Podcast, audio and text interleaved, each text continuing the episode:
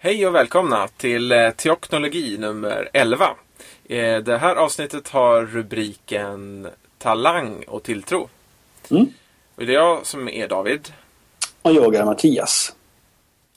Ska vi börja direkt och, hoppa på ehm, nyhetssegmentet?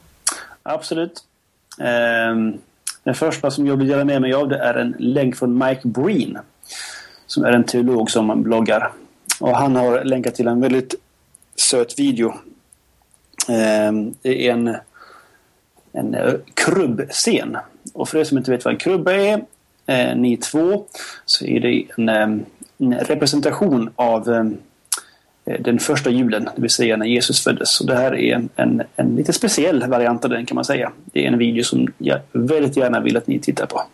Den är rolig och eh, bra på alla sätt och vis. Så det är ett tips. Det finns i shownoterna. Mm. Och nästa länk är, som också finns i shownoterna är den har rubriken och den säger egentligen allt. Eh, Worst Nativity Sets The Annual Growing List. Och den är verkligen fruktansvärd. Så den måste man titta på. Nativity Set är krubba fast på engelska. Ja. ifall, ifall man inte visste det. Mm. Eh, Du, den enda som inte visste det då i så fall. Du två. Nej men det är faktiskt, det är inte, sådana där religiösa ord är inte självklara. Särskilt inte på andra språk. Nej. Nej. Det är vi som är teologer som möjligen vet om det då. Ja, nej men det, den är väl värd ett besök den sidan kan man väl säga. Om man vill, vill förfasas över krubb, julkrubbor där det är katter eller hundar eller... Eller krubbor som är äggtimers. Ja. Kul är det i alla fall. Ja. Sen har vi lite mer jul här. Ehm, jag har två stycken länkar bara för att det börjar bli lite jultradition. Tycker jag. Att Christer Sturmark ska skriva någonting argt om julen. Eh, antagligen för att han vill... han kanske vill försvara inför sig själv sin rätt att få fira jul. Jag vet inte. det känns lite komiskt bara på något vis. Han, han eh, är väldigt arg eh, i Sydsvenskan. Eh, rubriken som han nog inte har fått bestämma själv men som är på hans artikel heter Sluta ljuga om julen. Eh, och där tar han fasta på det som han tog upp förra året, nämligen det här med att eh, nej, Jesus är nog inte född 25 december. Nej, precis. Eh, det vet vi ju om, väldigt många av oss kristna. Alla gör väl inte det. Eh, och det gör han en grej av, att alla uppenbarligen inte vet det. Och sen så anklagar han utbildningsminister Jan Björklund och eh, Göran Hägglund som är partiledare för Kristdemokraterna. Och därför Eh. matematik är dum i huvudet. Vad sa du? Och därför, ursäkta, och därför automatik är dum i huvudet. Ja, just det. Ja, Ja. precis. Eh, och, och helt enkelt då att de, de då inte vet om det här eftersom de då säger ehm, Ja, Björklund säger då att i en intervju förra året att skolbarn ska lära sig på djupet varför man firar jul. Och ville med det argumentet försvara de kristna inslagens plats i skolan. Ehm, och Hägglund då hade skrivit i en debattartikel att om inte också det har gått någon tjänsteman på Skolverket förbi så firar vi jul därför att Jesus föddes i ett stall för 2000 år sedan. Och så menar han då att det där är ett praktexempel på när man inte känner till detta. Eh, och jag vet inte riktigt, jag tycker att Ja, jag reagerar lite på det bara för jag tycker inte riktigt han, jag tror inte han gör dem rättvisa helt enkelt. Nej. Ehm, jag tror inte att poängen Björklund eller Hägglund hade handlade så mycket om huruvida Jesus verkligen är född 25 december eller inte. Utan poängen handlar väl om att att vi firar jul beror på det här med Mm. Jesus. Eh, sen så att det finns äldre traditioner och så. Eh, vilket det ju definitivt gör av lite olika slag och han tar ju upp dem ganska bra här också tycker jag. Eh, nämner ju några stycken. Eh, helt korrekt. Eh, det liksom fanns ju före eh, och det tog man ju över så att säga med kristendomen eh, och gjorde, gjorde till eh, liksom en högtid om Jesus då. Eh, för ganska länge sedan. Men, men det är ju anledningen till att de finns kvar som högtider idag. Ja, precis. Så det är inte jättemärkligt ändå. Liksom. Det, det är en ganska ja. Ja. Det, det är så kulturer utvecklas. Helt, alltså det är ju ja, ganska naturligt. ja, det är ju det. Ja. Så, han får ju ha sina åsikter såklart. Han är fri att ha dem. Och, och sådär. Men, men det känns som att han, han står i ett litet hörn och är arg. Och så har Mm. några som står bredvid och håller med. Liksom. Eh, och den andra länken den hör lite ihop med den här. Och det är biskopen i Lunds stift, Antje Jackelén, hon har svarat på, på den här debattartikeln då.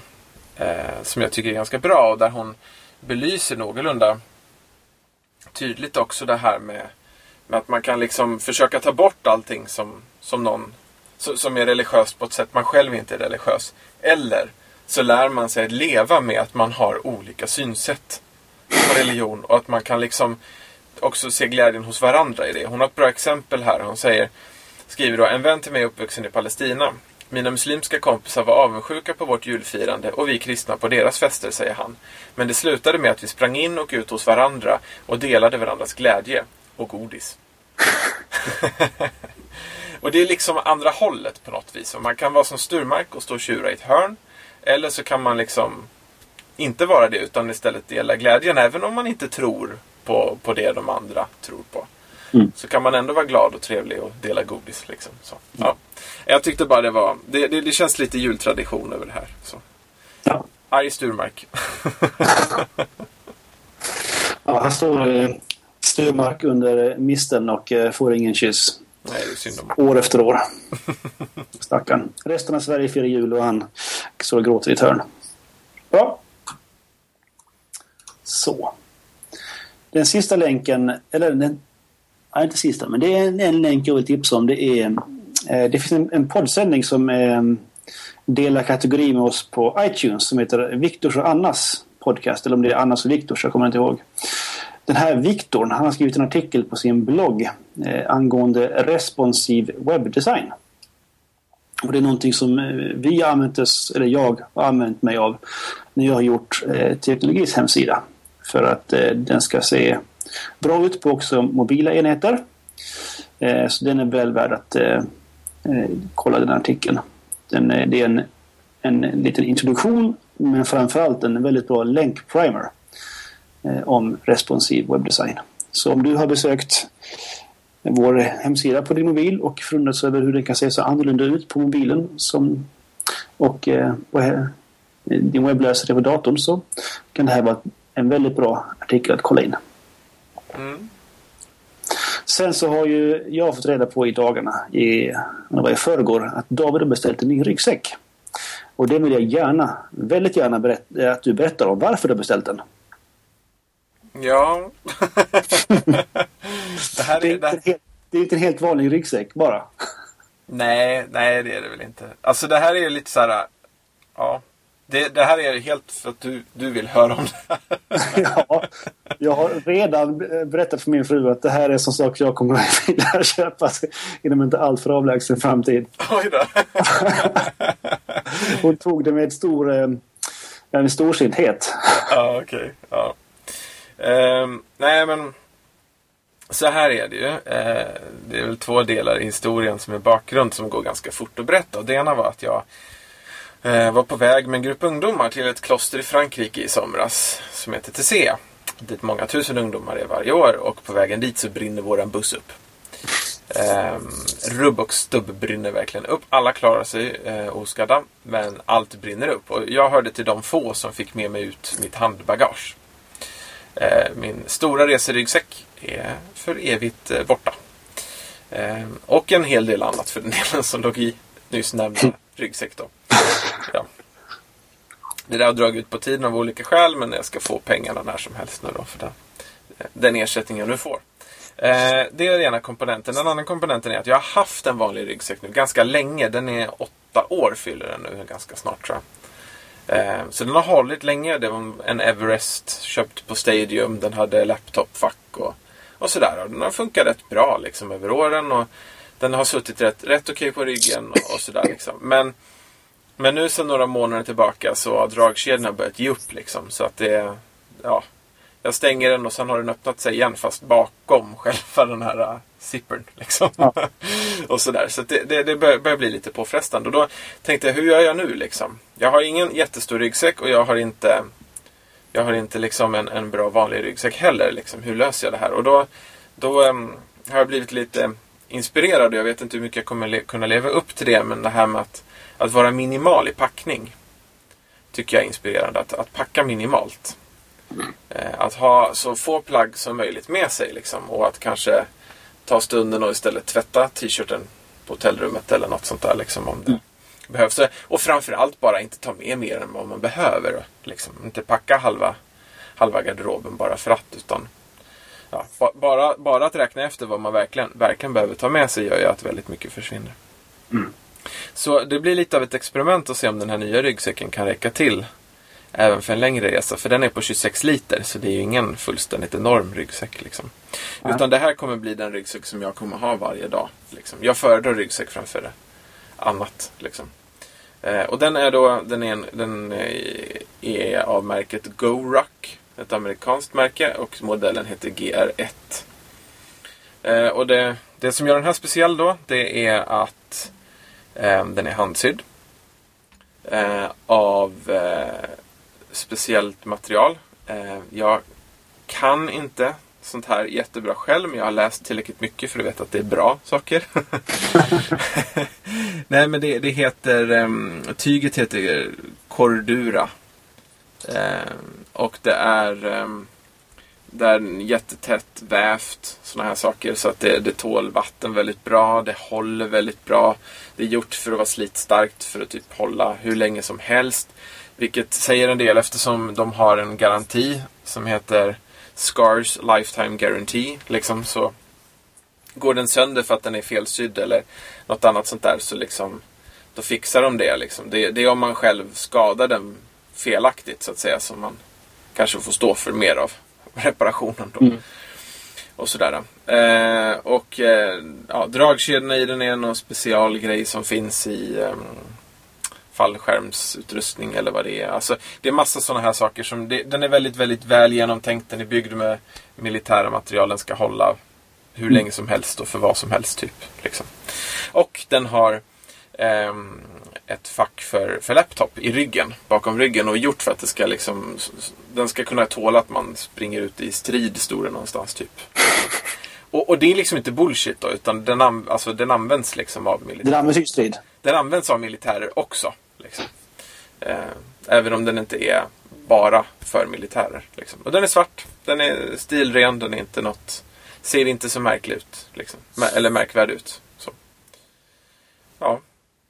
Mm. Är man nyfiken kan man klicka på länken och kolla själv. Det den är inte jättebillig. Men den ska ju typ hålla resten av livet också. Så.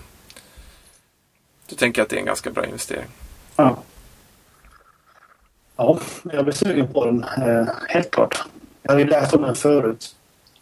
För att en blogg jag följer har, eh, är lite av en väsk. En bloggare, alltså Benjamin Brooks, har skrivit en del om väskor förut och han har nämnt den i något inlägg.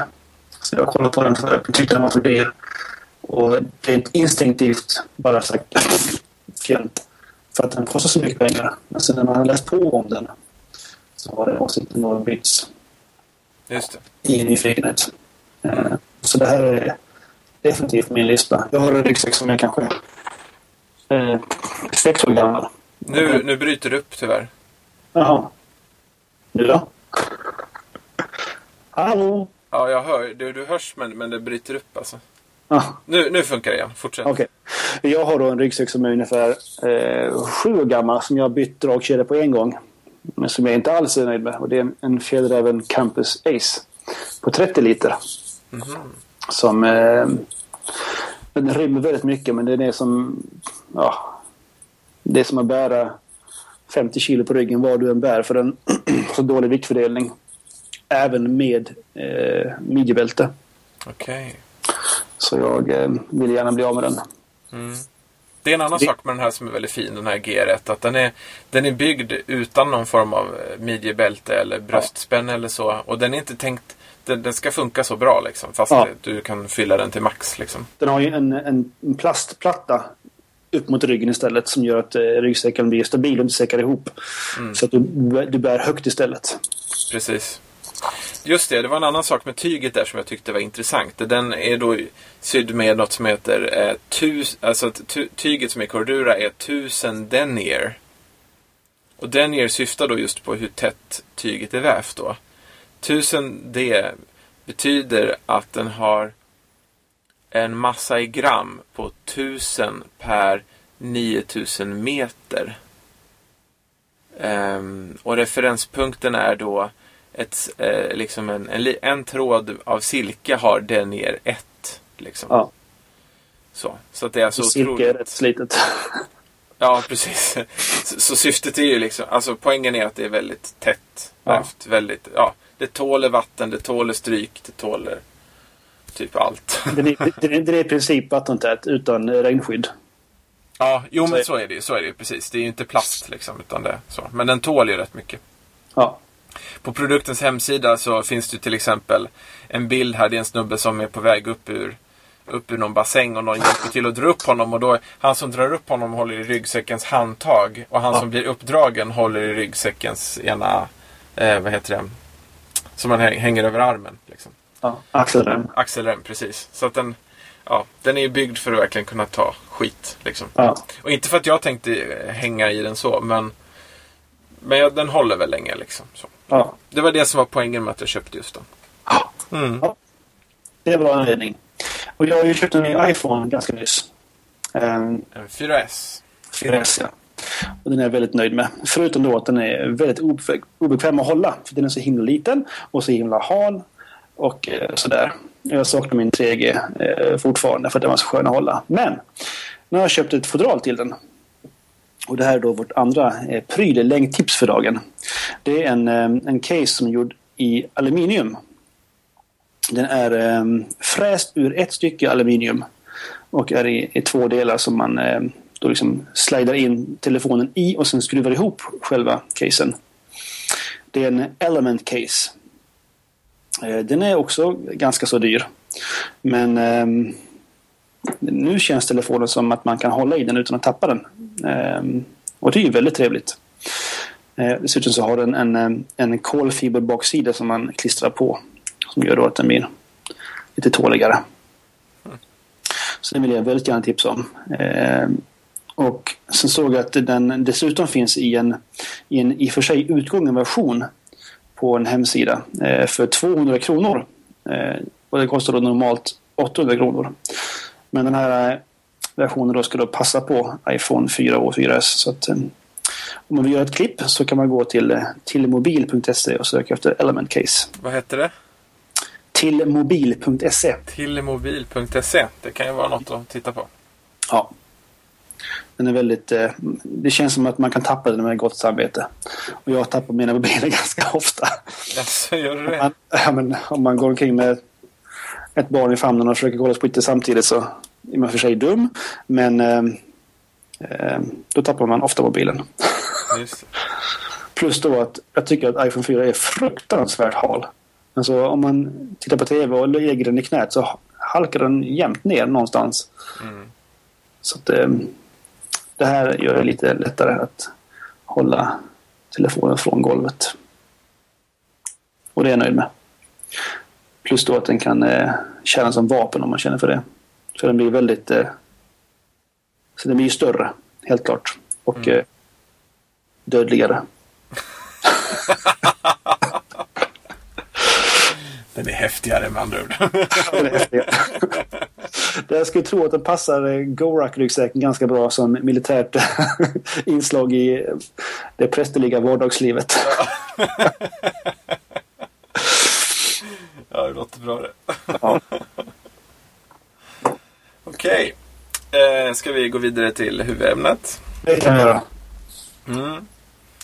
Eh, talang och eh, tillit. Så. Eh, var, var min väldigt fyndiga tanke. Eh, och det var väl egentligen utifrån utgångspunkten lite om talang. Ja, det kan vara så att vi har jag minns inte om vi har nämnt det lite grann tidigare här på podden. Men jag, vad jag gjorde var att jag köpte en bok som vi pratade om tidigare. Eh, eller i alla fall en, utif- vi pratade om en artikel tidigare. Eh, på en hemsida som heter calnewport.com. Eh, och för den som har lyssnat på alla avsnitten så, så kanske det hjälper minnet om jag nämner en Berlinstudie. eh, med musikstudenter eh, som spelade fiol. Eh, det är den bloggen. Och han länkade då till eh, bland annat till en författare, eller nämnde en författare som har skrivit en bok just om talang och sådana här saker. Ehm, eller det handlar väldigt mycket om, om, ehm, om talang. Eh, och då tyckte jag det var så intressant här. Jag har ju inte hunnit så långt än. Jag är bara inne i kapitel två. Men jag tyckte det var så otroligt intressant så jag ville lyfta det för diskussion och samtal. Ehm, och jag kanske ska börja med liksom att återberätta lite vad han, vad han, liksom, vad han säger för någonting i boken här. Mm. Som en grund liksom för samtalet. Ehm, och poängen, ehm, eller vad han, vad han gör är att han berättar om, om mycket forskning på olika sätt och också personer som exempel och sådär. Och kapitlet börjar nu, kapitel två, då, med att han, han berättar om en grupp forskare i England som 1992 började leta efter talang. Det var bara det att de inte kunde hitta den. Ehm, eh, och vad de gjorde var att de letade just efter musikalisk talang. För eh, ja, han gör argumentet här att är det någonstans där man tänker att folk har talang eller inte så är det inom det kreativa och inte minst just musiken. Liksom. Mm.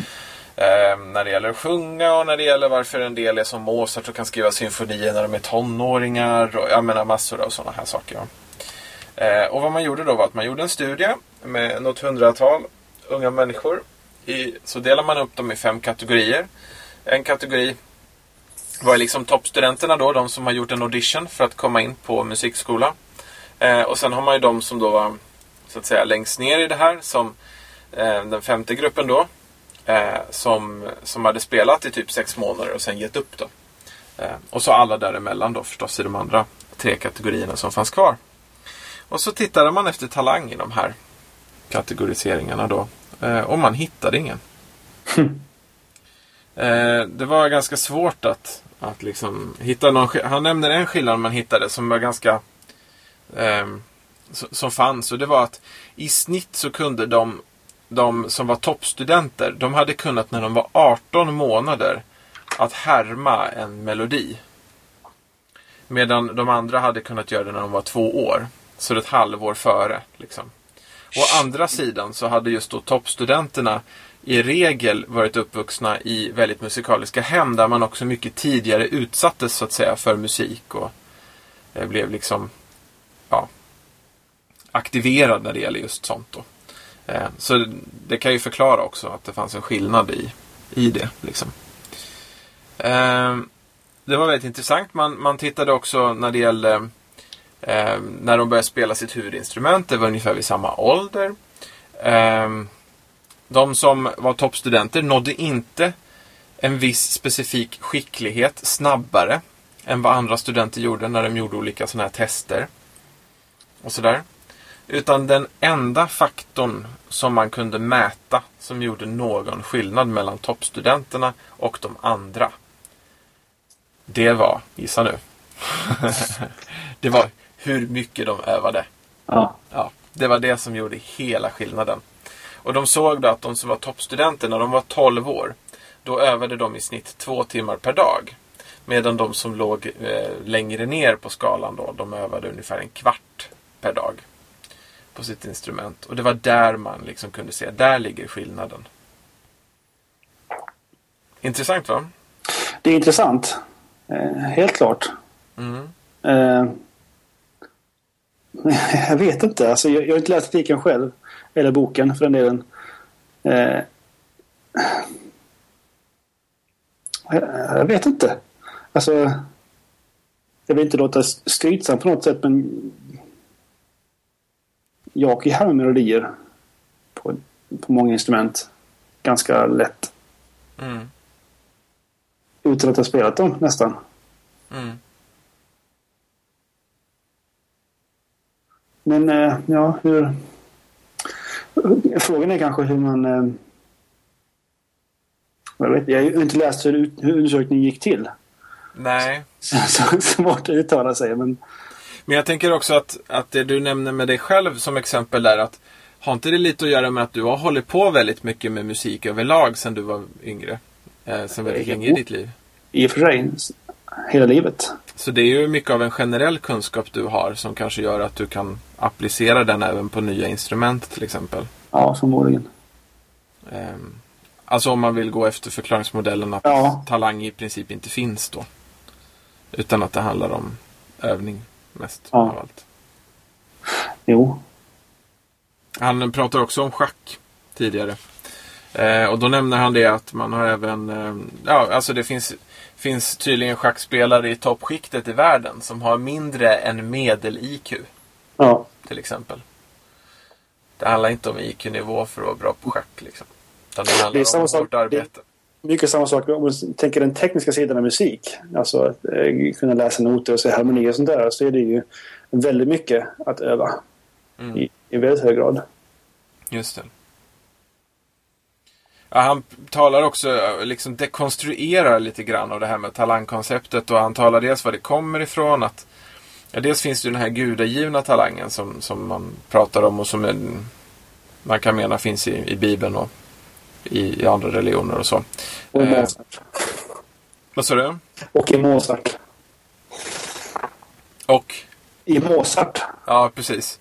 Eh, och, ehm, och, så, och sen så pratar han då om någon, en, eng, en engelsk aristokrat från eh, 1800-talet som hette Francis Galton som, som utvecklade mycket av det här med talangtänket och han menar att det var mycket från honom som det moderna tänket kring talang liksom kommer ifrån då. Att det var inspirerat av Darwin.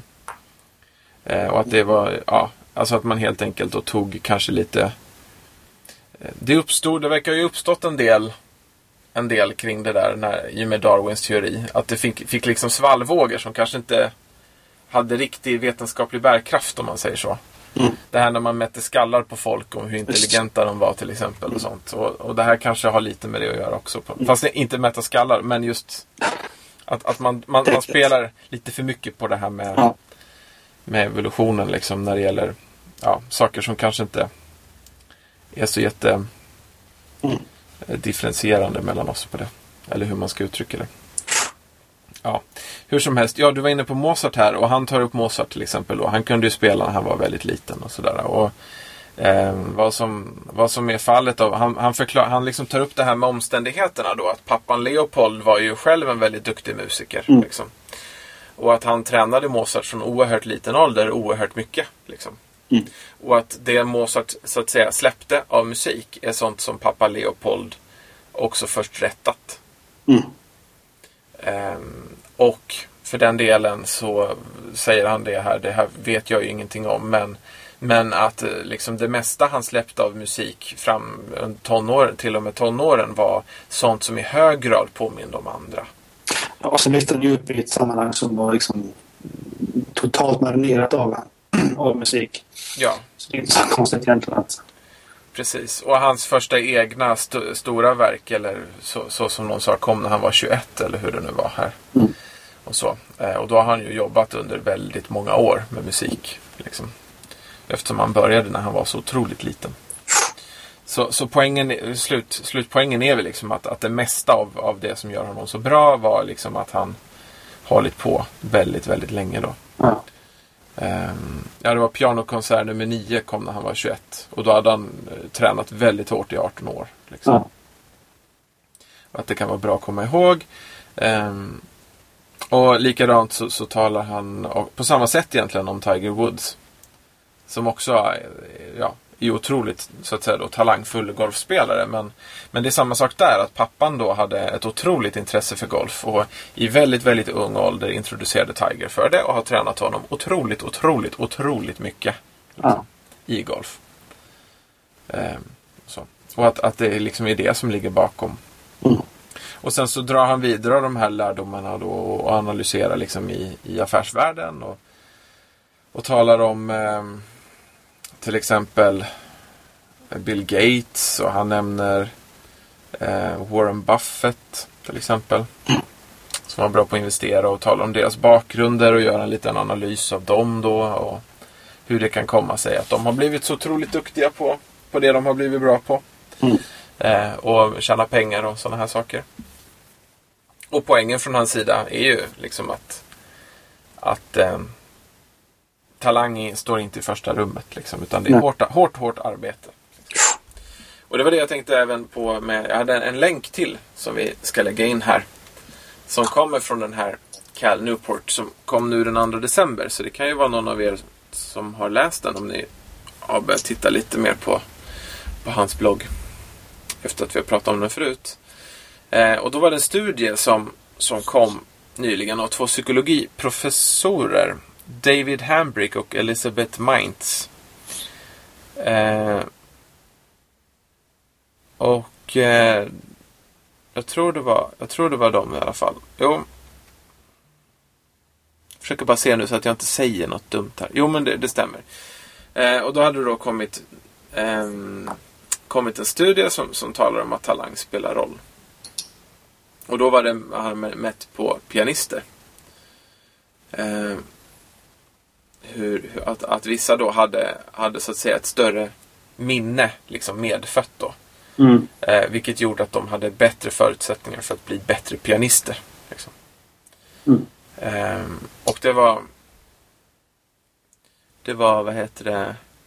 det? Det var liksom det som var poängen då, att det fanns en skillnad. Att det fanns något som hette talang i det här avseendet då kan man säga. I och med att de som hade ett lite större, större minneskapacitet kunde då hade en fördel i att bli bättre pianister. Eh, poängen som, som han Cal Newport drar ur det hela också som jag tycker är intressant då, det är ju att när de väl har räknat efter på siffrorna och kollat allting och gjort kontroller och, och när det gäller äh, trä, träning och alla sådana här saker så upptäcker de att den här minneskapacitetsskillnaden den, den eh, liksom uppgår till mindre än 7 procent av Mm. pianospelarens liksom förmåga att spela piano. Mm. Och det är ju intressant va, därför att om det är så att det här stämmer såklart så finns det ju en skillnad mellan något som man har medfött och någonting man kan skaffa sig. Men om vi snackar 7 procent, Ja.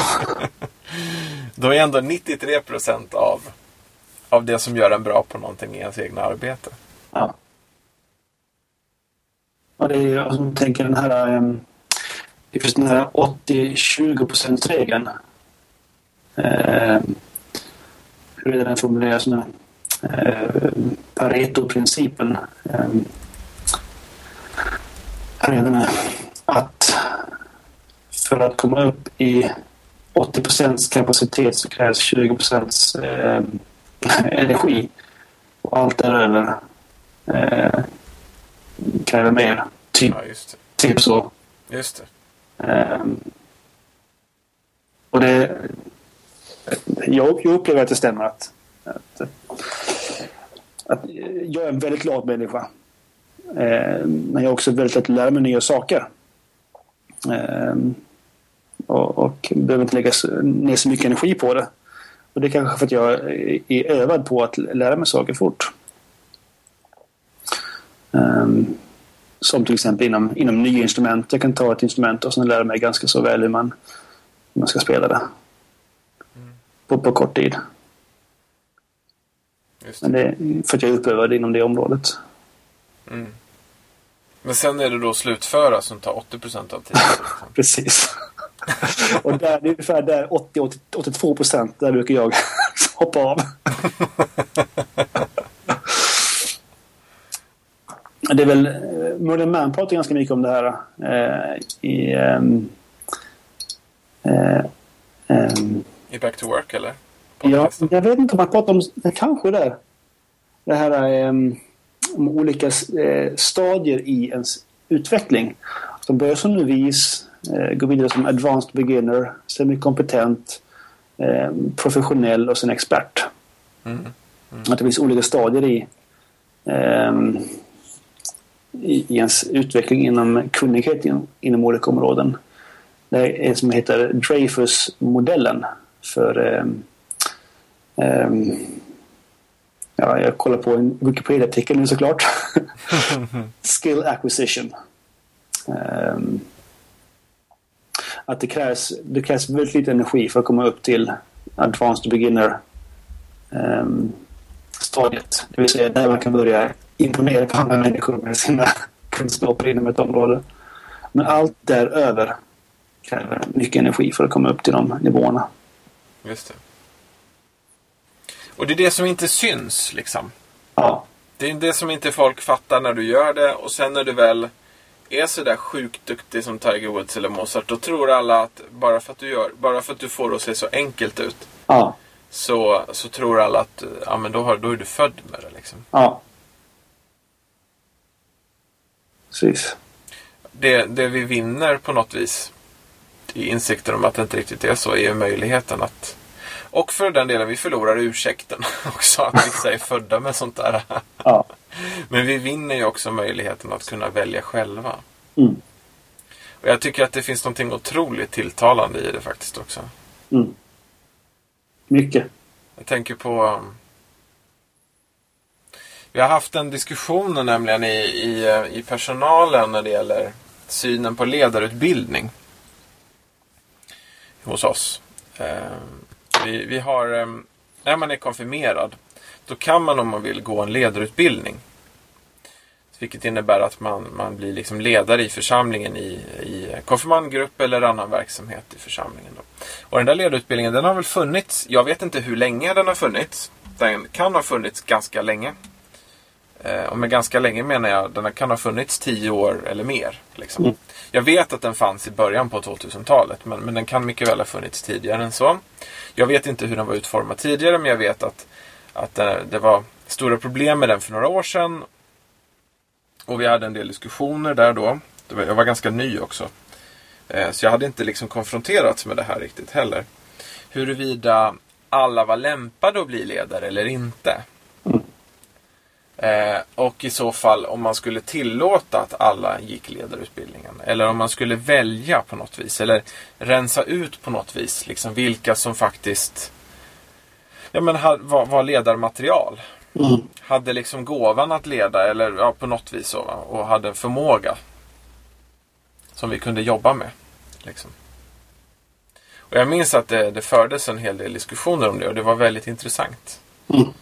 Eh, och hur jag själv inte spontant först Spontant först så tänkte jag nog just det här som också han talar om i boken här att, att det här med talanger och sådana saker. Att det spelar roll att man, man, man har nog olika talang för ledarskap och det gör att, att, eh, att det kanske det kanske är så att alla inte ska gå egentligen. Mm. Och samtidigt så är det här väldigt grundläggande det vi gör i kyrkan och så. Då skulle man kunna tänka sig att alla får gå av den anledningen.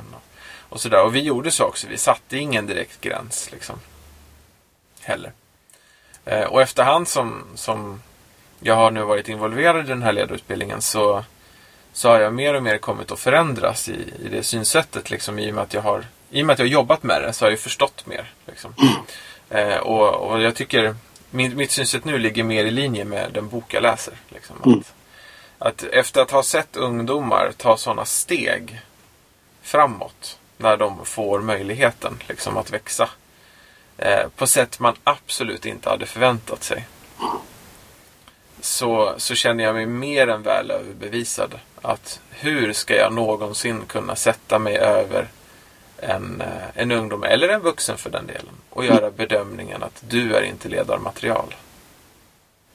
Ja, det har egentligen alltså, att göra med vill jag eller vill jag inte lägga ner arbete på det. Mm. Så för, eh, vi har också haft en del sådana olika satsningar där man har varit tvungen att liksom ansöka för att få vara med eller inte. För att det har funnits begränsade mm, pengar helt enkelt. Eh, och det har ju också gjort en liksom, avvägningen. Eh, vill människan egentligen eller vill de inte? Alltså vill man någonting mycket nog så ser man till att det händer. Just det. Och, mm, så det har nog mycket mer med ens motivation att göra än med ens talang, tror jag. Mm. Så är det nog. Sen är det ju såklart så att man har olika bakgrunder. Alltså, Mm. om du... Jag menar, kommer du från en familj där, där andra i familjen kanske är ganska starka ledartyper. Så är ju risken, eller risken, chansen ganska stor att det där smittar av sig till dig under din uppväxt. Liksom. För du, du umgås med de människorna och du, du, du präglas av de människorna. Och du ser dem agera i relation till andra i sitt ledarskap. Och, Mm. sina personer. Och, eh, man är släkt och man delar genetik och, och det finns mycket, man, man har ett socialt arv och, från sina föräldrar och sådana här saker. Och det gör ju att, att man blir formad till att likna dem. Så har man mycket ledarskap på nära håll så är ju chansen stor att man själv också får mycket av det med sig. Liksom. Mm. Eh, och kommer man från en familj där man absolut inte håller på med sånt och man kanske har det ganska struligt hemma vid och det inte är så lätt och ja, sådana här saker. Man kanske har en ja, ensamstående förälder eller eller föräldrar som, ja, det är svårt på olika sätt liksom. Och man, man kanske inte alls ser dem agera i ledarskap eller ha något ledarskap överhuvudtaget på, i, i en formell bemärkelse i alla fall. Och så. så är det ganska stor skillnad i vad man har för förebilder också. Mm. Och vad man har sett under sin uppväxt. Liksom. Och det är klart att det gör ju skillnad i hur man, vad man tänker om sig själv. Mm. Också. Absolut. Man kan ju säga, alltså, om man återgår till musik så är det ju då rätt talande att båda mina föräldrar sysslar med musik. Och Mm. alla mina syskon. Just det. Att det, liksom, det finns ett ganska tydligt socialt arv. Just det. Jag råkar ju veta om det, så jag tänkte på det när vi pratade om det här. ja. Ja. det är intressant. ja, det, det är väldigt intressant. Det är det verkligen. Och det, om man då börjar tänka på sig själv som förälder så gör det att man, att man får vissa... Eh, att man känner vissa krav. Eller vissa möjligheter kanske man ska tycka sig positivt. Mm. Att eh, vara med och, och påverka och, och forma. Men det är också ett, stort ansvar förstås. Just det. Att eh, det, det, det jag gör, det är sånt mina barn kommer göra. Just det. Det jag läser, det är sånt mina barn kommer läsa. Och, och så vidare. Att, eh, att det har att göra med oerhört mycket mer än, än vilka gener jag råkar föra vidare till mina barn. Mm. Eh, kanske inte alls för vidare några gener till mina barn. Kanske är adoptivbarn. Men jag påverkar ändå väldigt mycket vilka, alltså hur mina barn blir. Mm. Det är lite skrämmande.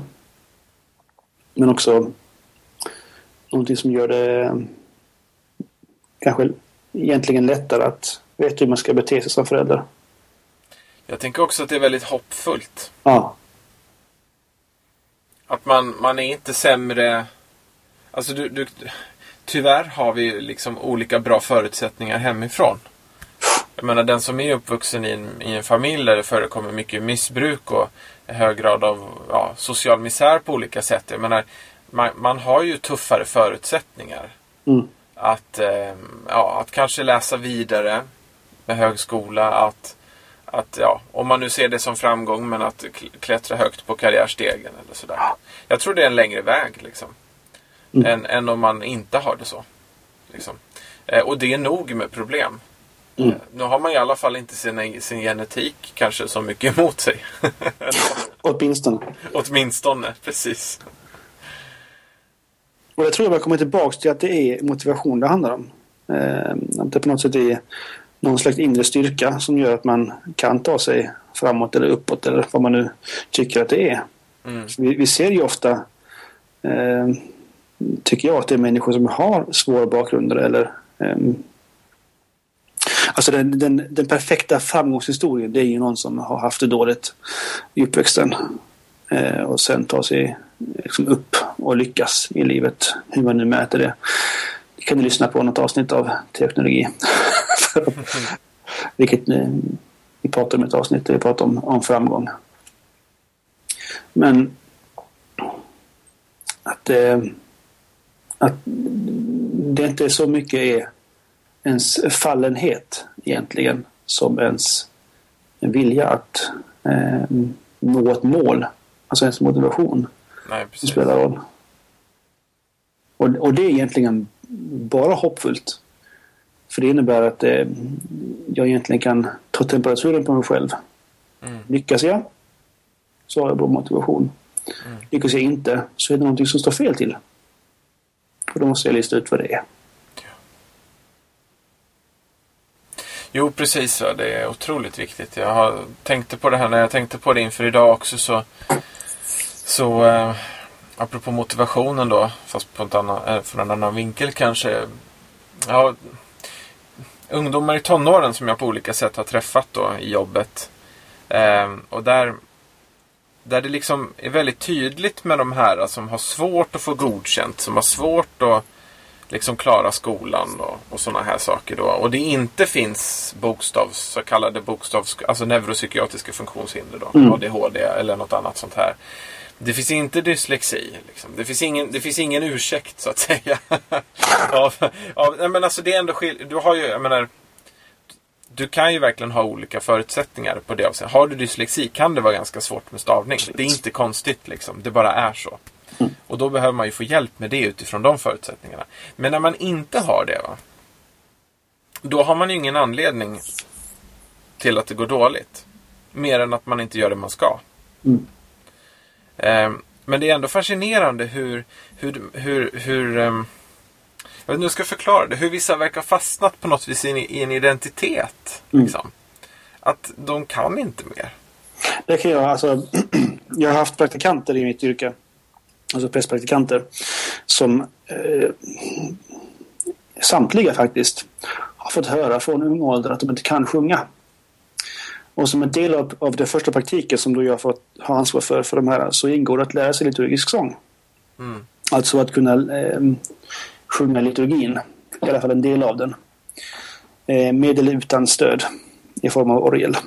Mm. Och ehm, i, i samtliga fall har de kunnat lära sig att sjunga liturgin i princip helt och hållet. Mm. Men det gemensamma där är att de har fått höra att de inte kan. Just Ehm, så det man kan ta med sig där det är ju att lyssna inte på de som säger att du inte kan. mm. Ehm, Nej, och det var det jag ville komma fram till med de här ungdomarna jag också haft kontakt med på olika sätt. Att, att det liksom... Jag gjorde det en gång med, med en, eh, en tjej då som, som sa att det hade gått bra på matten. Hon hade fått VG på matten. Hon var väldigt stolt och det var liksom otänkbart med VG ur hennes perspektiv Mm. då. Och då gjorde jag det exp- eller experimentet. Alltså jag gjorde det för att utmana henne. För jag menar det är ju faktiskt en möjlighet. Så jag pushade henne och liksom med det uppmuntrade henne och sa det här är ju jättebra. Och, och så här, du kanske ska bli matematikprofessor.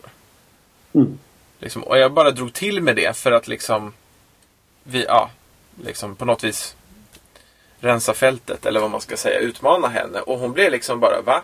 Vad menar du? Vad menar du? Så här, Nej, jag menar att du, om du, om du tycker det är roligt med matte liksom och du vill jobba med det, gör det. Och sen vet man aldrig, då kanske du blir matematikprofessor en dag. Liksom, för att det är det du gillar att hålla på med. Liksom, Mm. Hon bara, va? Nej. Så, alltså, du vet, det var, det var så tydligt. Och, och det var inte som att hon... I det samtalet handlade ju inte det om att hon inte ville det. Liksom. Utan just i det här samtalet handlade det om att hon hade väldigt svårt att tro på att hon skulle kunna bli det. Liksom. Ja. och, sådär. och det är mycket det jag tror det handlar om. Att, som, som vi sa med... Dels är det motivationen. Liksom, att man, så, som de som har fått höra att de inte kan. Liksom. Men, men dels är det också just att man har barriärer av olika slag. Dels för att man kanske har fått höra att man inte kan. Men det har också att göra med vad man har för bakgrund och för förutsättningar hemifrån. Och hur ens skolgång har blivit hittills till exempel. Eller hur ens arbetsliv har blivit hittills påverkar hur man uppfattar sin framtid. Mm. Och, sådär. och att man blir kanske fångad i onödan. Fångad i föreställningar om sin egen förmåga och om sin egen framtid. mm, Som, som, som är begränsningar som man borde skaka av sig. mm. Absolut.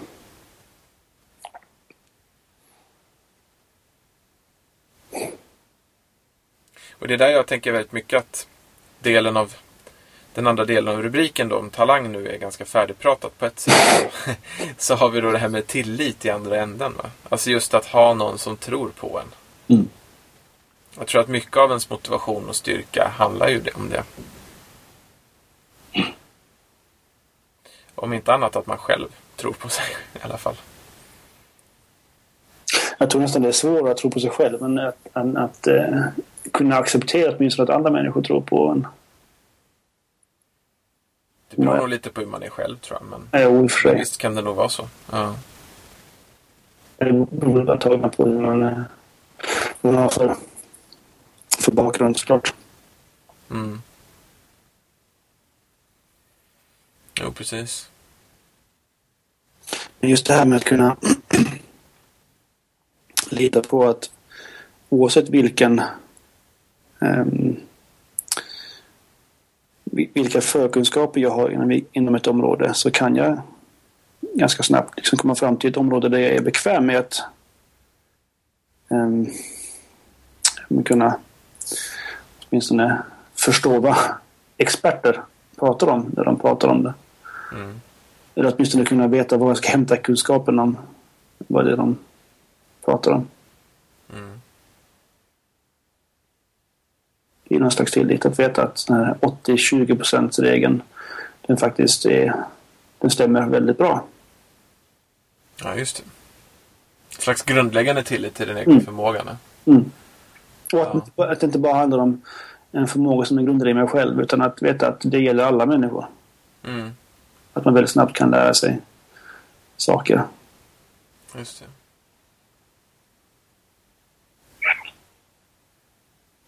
Jo, det är ju väldigt relevant och samtidigt så ställer det ju...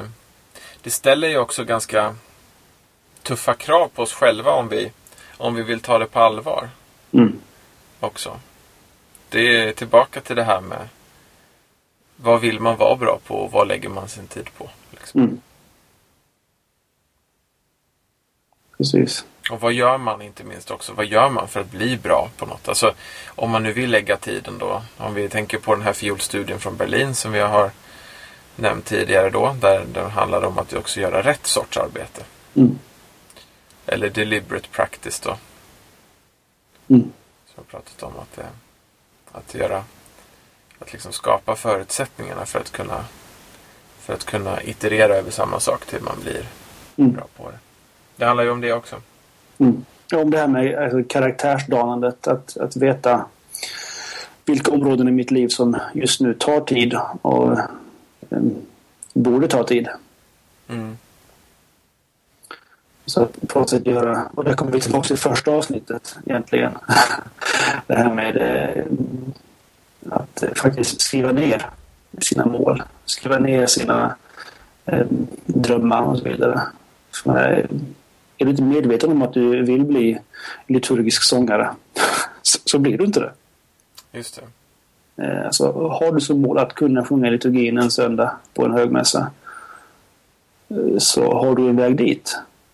Men är du inte ens medveten om att du, att du vill kunna sjunga liturgin så kommer du aldrig komma dit. Hur många människor som ens liksom, mm, ställer krav på dig att du ska kunna sjunga liturgin. Tror du att du inte kan eh, och att du därför inte vill, för att du inte vill göra bort dig, så kommer du aldrig komma dit. Just det. Mm. Jag, lyssnar, jag måste nog berätta det ändå. Alltså jag, jag hade tänkt spara lite där helt och hållet till en annan podd. Men, men jag tycker det passar bra in lite grann. Det jag just nu lyssnar en audiobok som heter Transformational Leadership. Som kommer från The Teaching Company, tror jag det heter. Eh, jag bara googlar på det. Eh, jag kan berätta, jag berättar mer om det en annan gång. Men, men vad, vad han talar om, han som har de här 24 föreläsningarna eller vad det är, som jag lyssnar på. Ehm, han pratar lite om det här med mål och om att ta sig, ta sig till ett mål. Eh, att det handlar om att ha ett, hur är det han kallar det för? Big, hairy, audacious goal, tror jag det är. Stort, hårigt, våghalsat mål i princip. Eh, och um, liksom att... Alltså han tar till exempel då eh, det här rymdracet eh, som exempel. va. När eh, Mm. ryssarna har fått upp Sputnik och, och USA är lite tagna på, på sängen att de ligger före. Eh, och så håller JFK sitt tal där han då säger att vi ska liksom sätta en, en människa på månen inom den här dekaden. Mm. Inom det här årtiondet. Då har han gjort det. Han har satt ett BHAG, eh, Big Harry Audacious Goal. Han har sagt att eh, inom den här perioden så ska vi göra det här. Liksom. Och det är ingen bullshit. Det är inte att bli... Det är inte så att han säger inte att NASA ska bli den främsta eh, liksom rymd, eh, rymdbyrån i världen eller något sånt här. Utan det finns ett konkret mål. Eh, att nå i andra änden. Liksom så. Före ryssarna. Ja, ja, till på köpet då. Precis. Eh, och att det just är, är väldigt viktigt att ha det. Att ha ett, ett, ett, em, ett våghalsat mål som man vill uppnå men som, och som ligger en bit bort. Va? Det får inte vara för nära i tid men det ska inte heller vara för långt bort. Liksom. Eh, och vad du sen behöver är då tidiga framgångar också på vägen dit. Alltså du behöver skapa, eh, skapa möjligheten att lyckas tidigt, så att säga. Och när det, gäller, när det gäller det här så skulle man kunna tänka sig att det handlar om eh, att, eh, att göra tester till exempel. Att se att utrustningen man jobbar på faktiskt funkar till exempel. Och annat sånt. För att skapa självförtroendet va, på vägen. Liksom. Även om man vet att det funkar, eller? Vad sa du? Även om man vet att det funkar. Alltså man kan alltså, att man motiverar sig själv genom att göra tester som man vet borde fungera. Eller? Ja, ja det är lite det. Alltså att, att kolla. Alltså, att, att skapa framgång tidigt på olika sätt. Han har andra exempel på det som jag inte kan redogöra för nu, tyvärr. Eh, men alltså att helt enkelt om det, om det är ett koncept du har som du vill jobba efter. Att, att hitta möjligheten att det ska få bevisa sig ganska tidigt. Att det Ja. finns vinster med det till exempel. Mm. Och så. Alltså att, att just att skapa möjligheten för, för någon form av framgång väldigt tidigt. Han talar om väldigt framgångsrika tränare inom American football bland annat. Mm. Just, som just har vänt, ja det var någon väldigt, väldigt känd person som har vänt lag från att vara riktiga bottenlag va, till att ligga i toppen av ligan. Och hur, hur han då väldigt var väldigt noga med liksom att skapa möjligheterna för laget att lyckas med saker Mm. ganska tidigt på vägen. Och att då också liksom verkligen verkligen se till att alla i laget verkligen vet om att de har lyckats med någonting också. Mm. Så. Skapa motivation. Man Ja, självförtroende liksom. Om att, att, att bygga vidare på. Liksom. T- tilltro och tillit till sig själv. Mm. Liksom, Mm. I det man gör. Mm.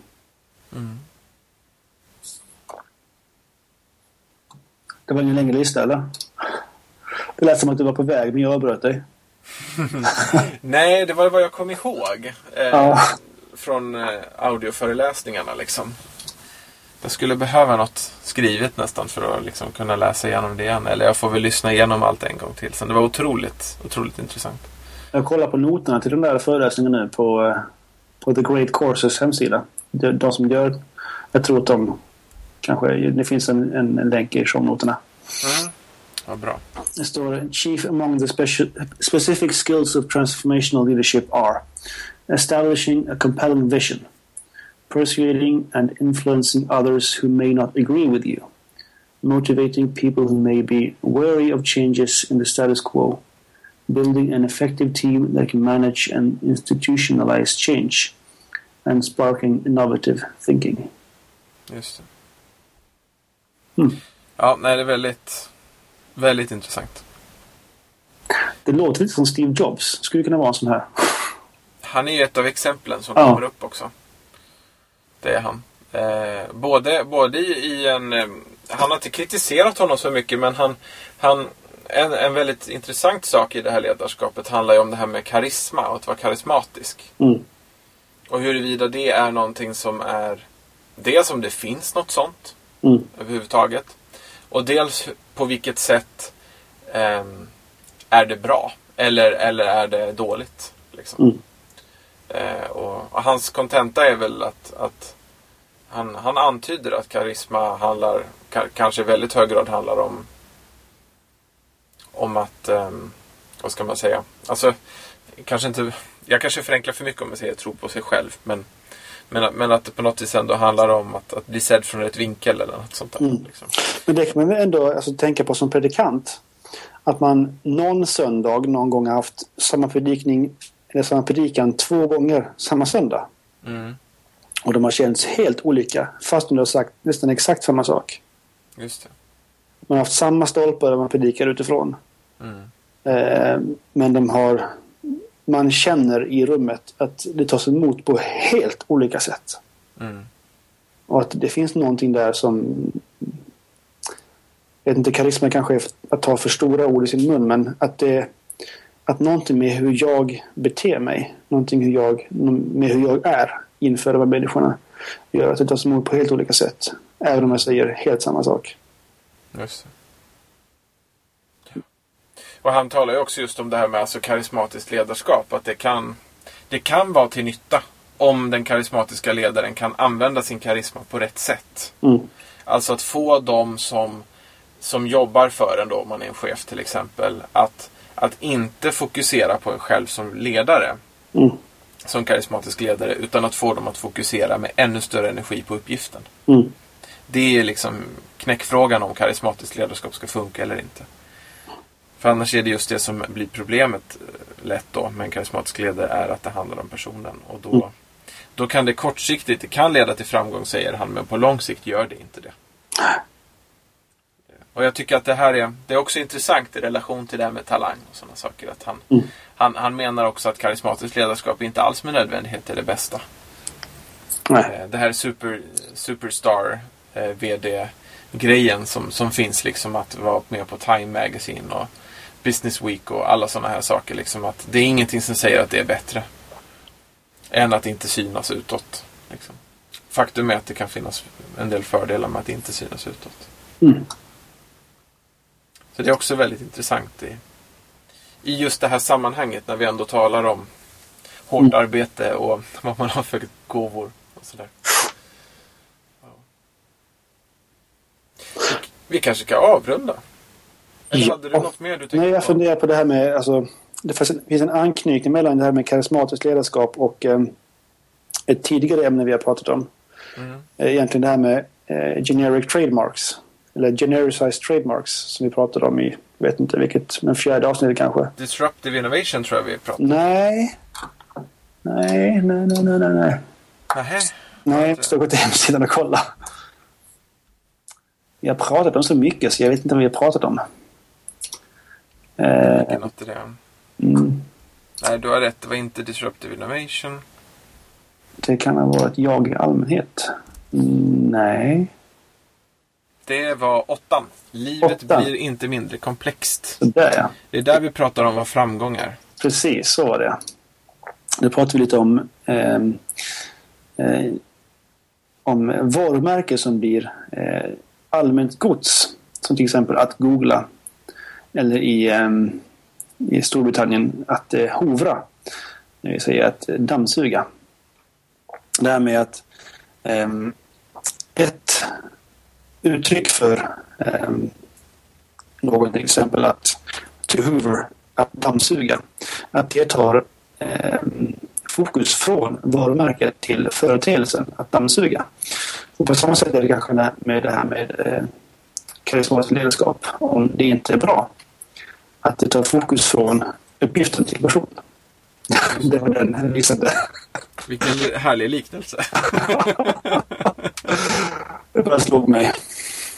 Och på samma sätt kan man säga att ett gott karismatiskt ledarskap handlar inte om den egna brandingen utan Nej. om den större företeelsen. Precis. Eller uppgiften.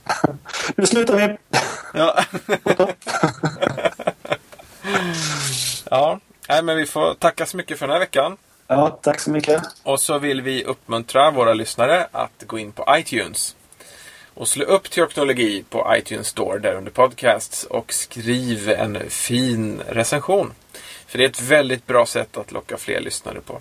Ja. Ett annat bra sätt att locka fler lyssnare på är att rekommendera den till andra människor genom Twitter, Facebook, mail eller till öra-metoden. Eller Path, om vi använder det. Eller Path om ni använder det. Precis. Vilket vill vi rekommendera att man gör? Ja. Och hör gärna av er. Gå in på teoknologi.se och klicka på reagera i högermarginalen. Eller skriv till teoknologi på Twitter. Eller hör av er till Mattias på turfjäll eller till mig, David, på silverkors. Till exempel. Mm. Eller mejla till reagera teoknologi.se. Det finns massor av sätt att höra av sig på. Det. Och vi vill väldigt gärna höra av er. Ja. Och eh, sen vill vi också bara så här i efterhand nu be lite om ursäkt för ljudkvaliteten på Mattias sida. Vi har haft problem med uppkoppling och vi har inte riktigt förstått vad det är som har gjort att det... Men det har med Telia att göra. Okej, det är Telias fel. Allt är Telias fel. Ja. Ja. Nej, men vi får tacka så mycket för idag och Tack. önska er en god vecka. Så får vi se Och när en- vi hörs av igen. ja, eventuellt så hälsar vi också god jul. Just det. Ja. God jul och kanske Det, det är ju vilket som helst. år. För att när är det jul? Det är nästa lördag. Julafton. Ja, det är juldag på söndag. Och nyår helgen efter. Så vi kan inte lova att vi hörs av igen på den här sidan nyåret. Utan det kan bli faktiskt först 2012. Ja. Men vi hoppas att det blir någon gång Ja, i jul och nyårshelgen. det vore fint. Mm. Det vore fint.